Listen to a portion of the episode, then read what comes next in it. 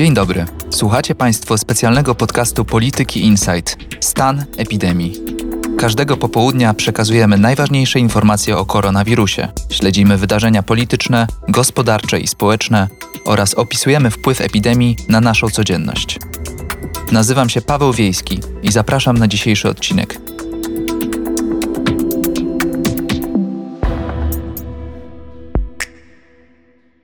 Jest czwartek, 21 maja.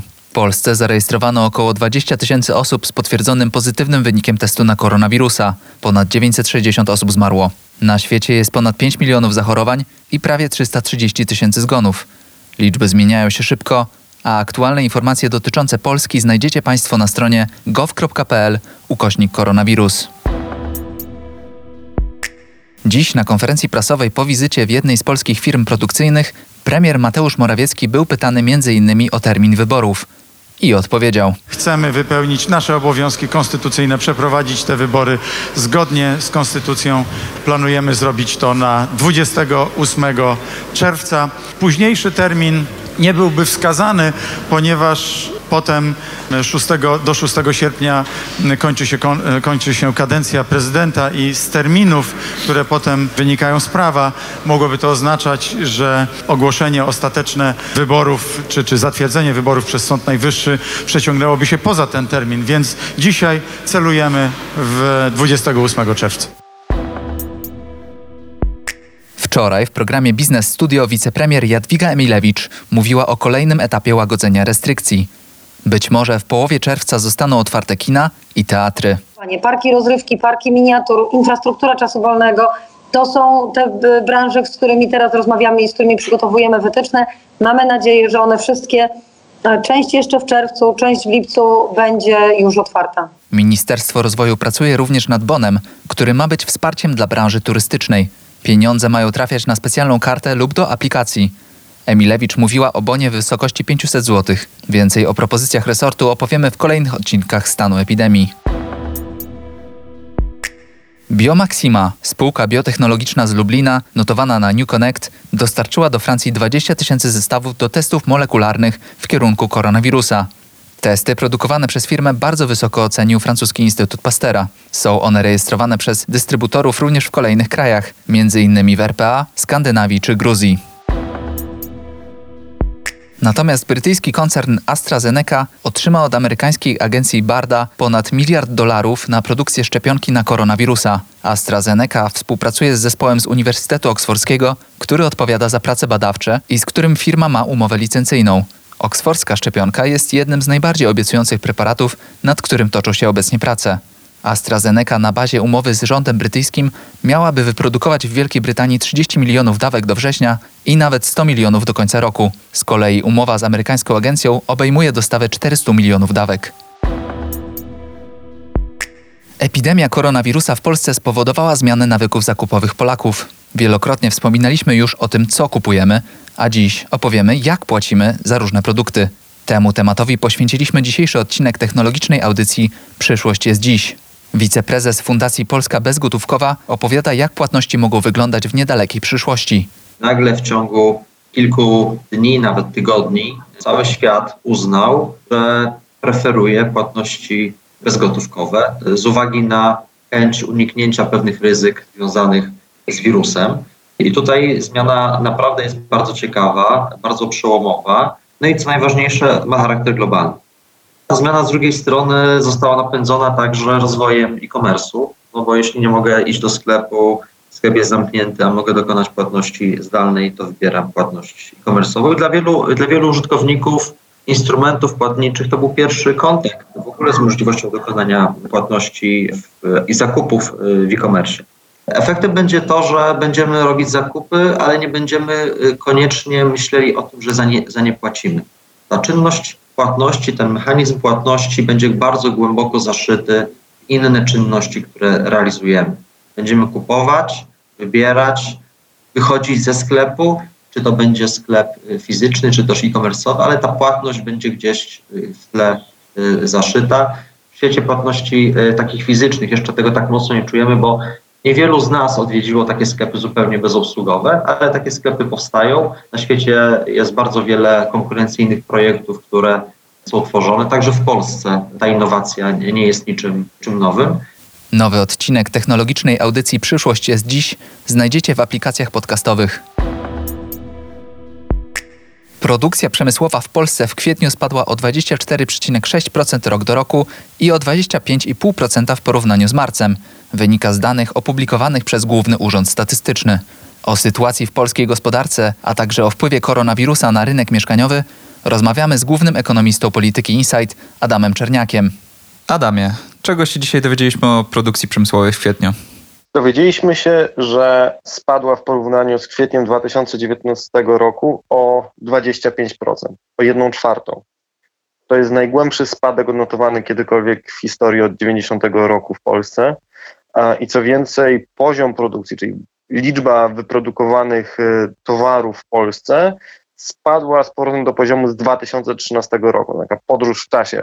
Cofnęliśmy się właściwie o 7 lat. Najgłębiej poleciała produkcja przemysłowa w branżach nastawionych na eksport, czyli te, które zostały najbardziej dotknięte przerwaniem łańcuchów dostaw. O 80% spadła produkcja samochodów, o połowę spadła produkcja mebli. Bardzo głębokie spadki odnotowano także w produkcji urządzeń RTV, AGD, wyrobów skórzanych.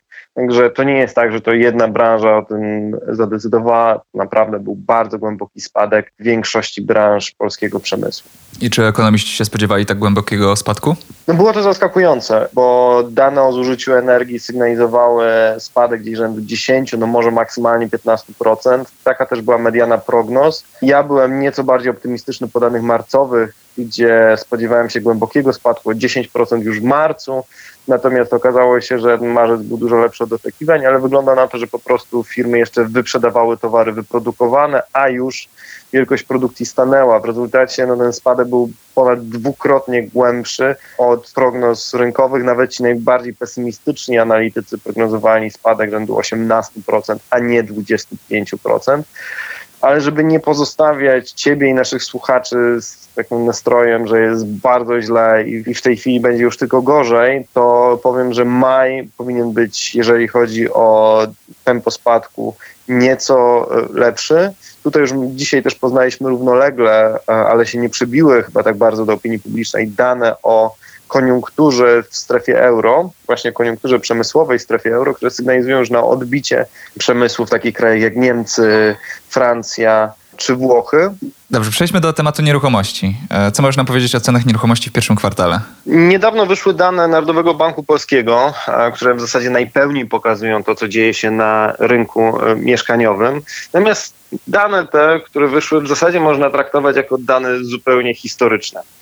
To są dane za pierwszy kwartał, więc teoretycznie już obejmują ten pierwszy okres pandemii.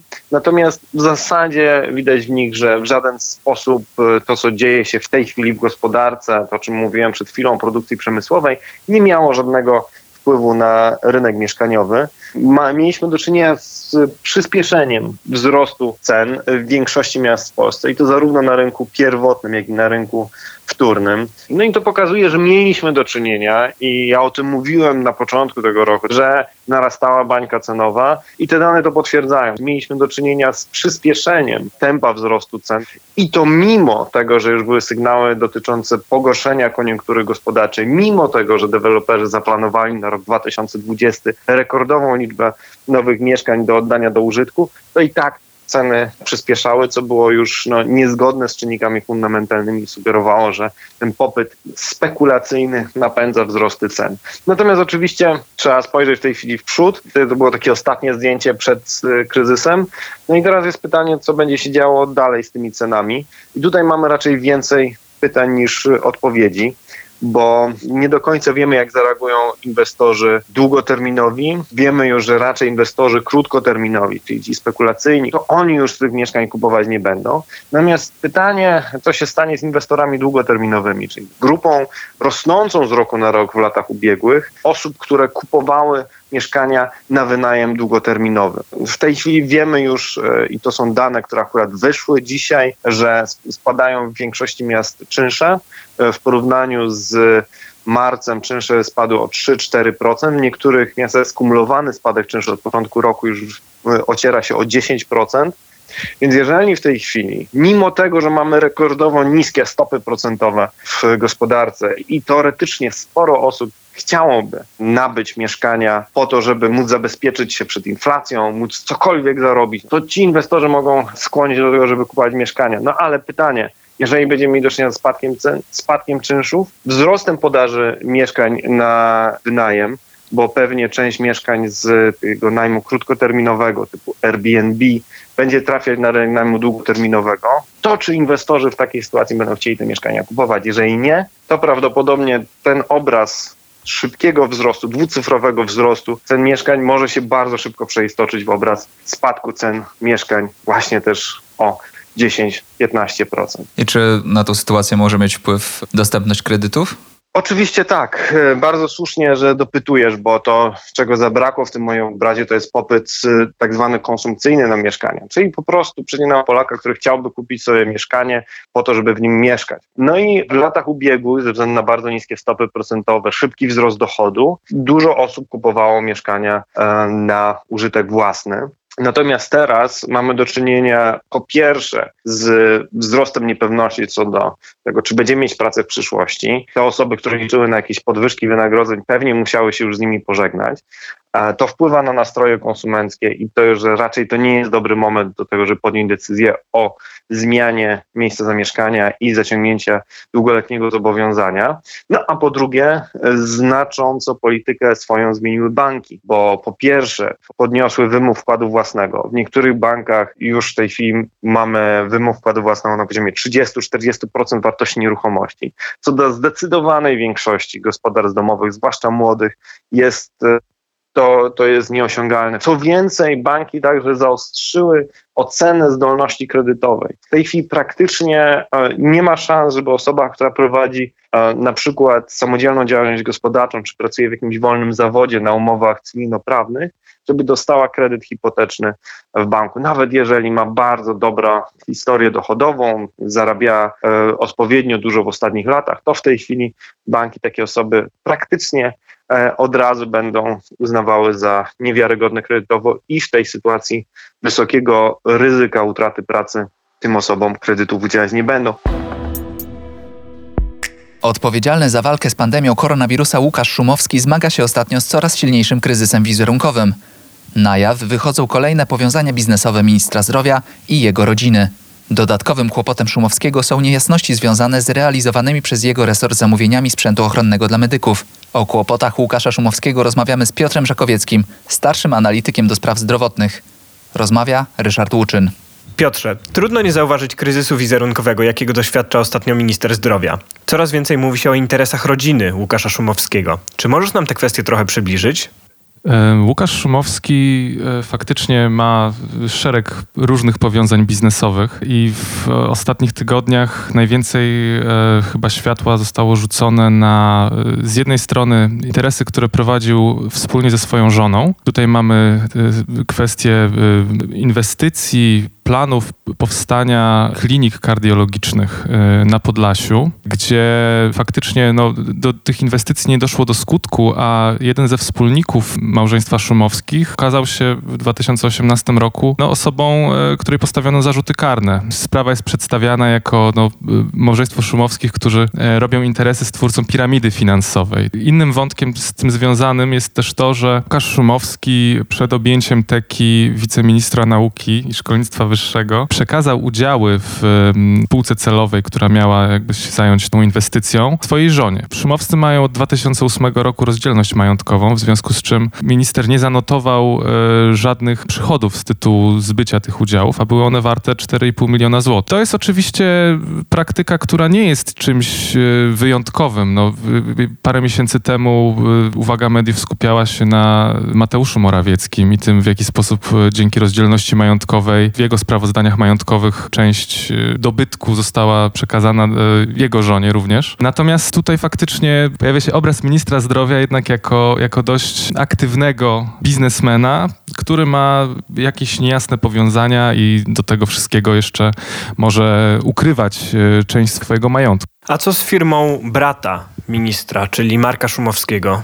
Firma Onco R&D to firma zajmująca się biotechnologią. Firma zajmuje się e, między innymi terapiami przeciwnowotworowymi. No i jak wiele tego typu firm, startupów e, biotechnologicznych w dużej mierze opiera się na publicznym dofinansowaniu. W latach 2012-2020 Onco R&D uzyskała z Narodowego Centrum Badań i Rozwoju około 180 milionów złotych, z czego 140 milionów przypadało na okres rządów PiS, a już e, ponad 50 milionów złotych na sam rok 2017. I to się zbiega w czasie z e, pracą e, Łukasza Szumowskiego w Ministerstwie Nauki i Szkolnictwa Wyższego. Co prawda e, Szumowski nie nadzorował w tym czasie NCBIR-u, przynajmniej nie bezpośrednio, bo, bo tutaj jakby też jest taka kwestia, że wiceminister Piotr Dardziński, do którego przypisany był nadzór nad NCBIR-em, mógł być zastępowany przez Szumowskiego. Tak w organizacji pracy ministerstwa zostało to ułożone.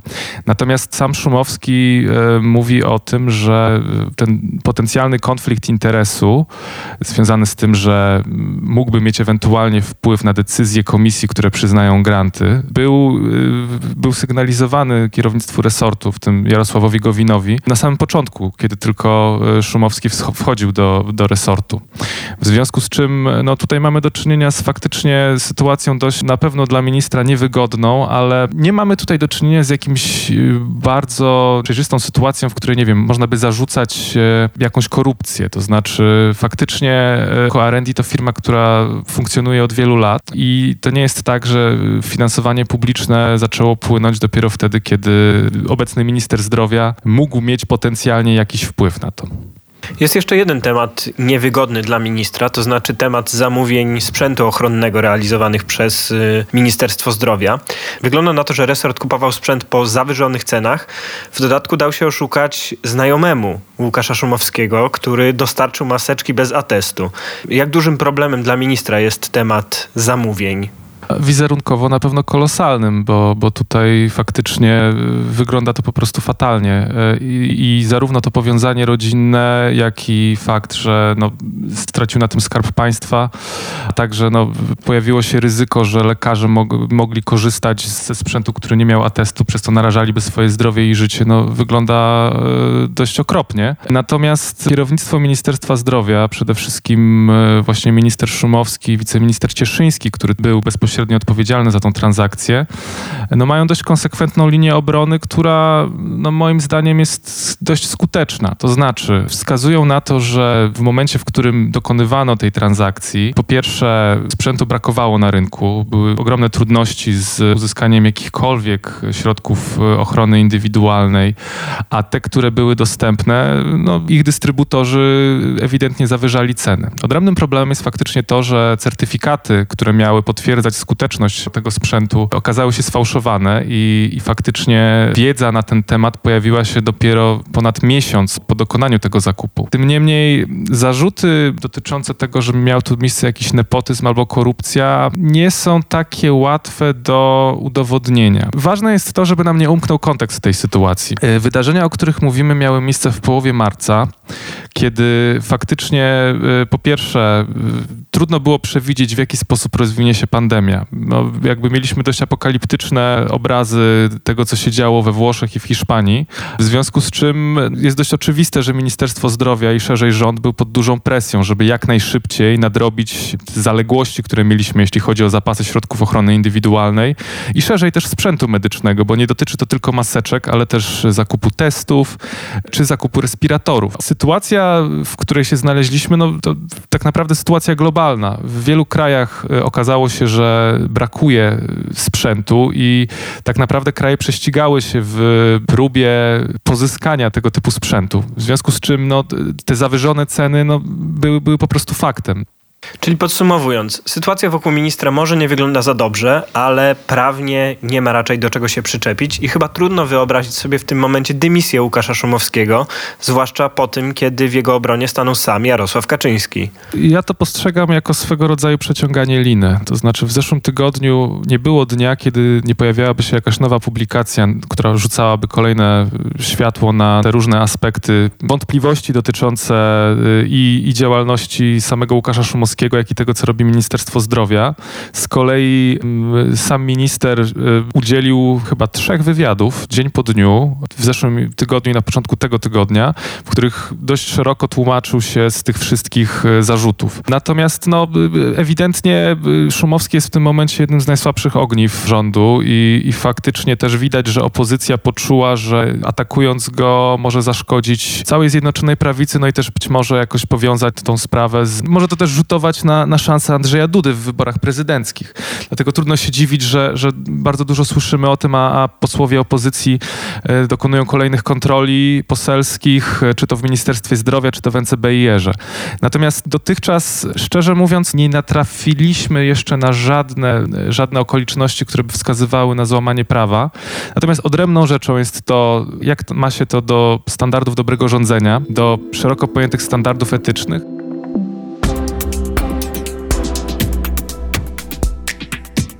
Na dziś to wszystko. Na kolejny odcinek zapraszam już jutro.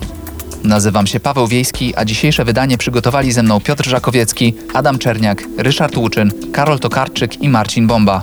Oprawę graficzną podcastu przygotowała Małgorzata Gryniewicz, a oprawę dźwiękową i muzyczną Maciej Kurczewski. Katarzyna Szajewska zaprasza naszych gości i zajmuje się promocją podcastu. Nad produkcją i pracami merytorycznymi czuwa pomysłodawca audycji Marcin Bomba.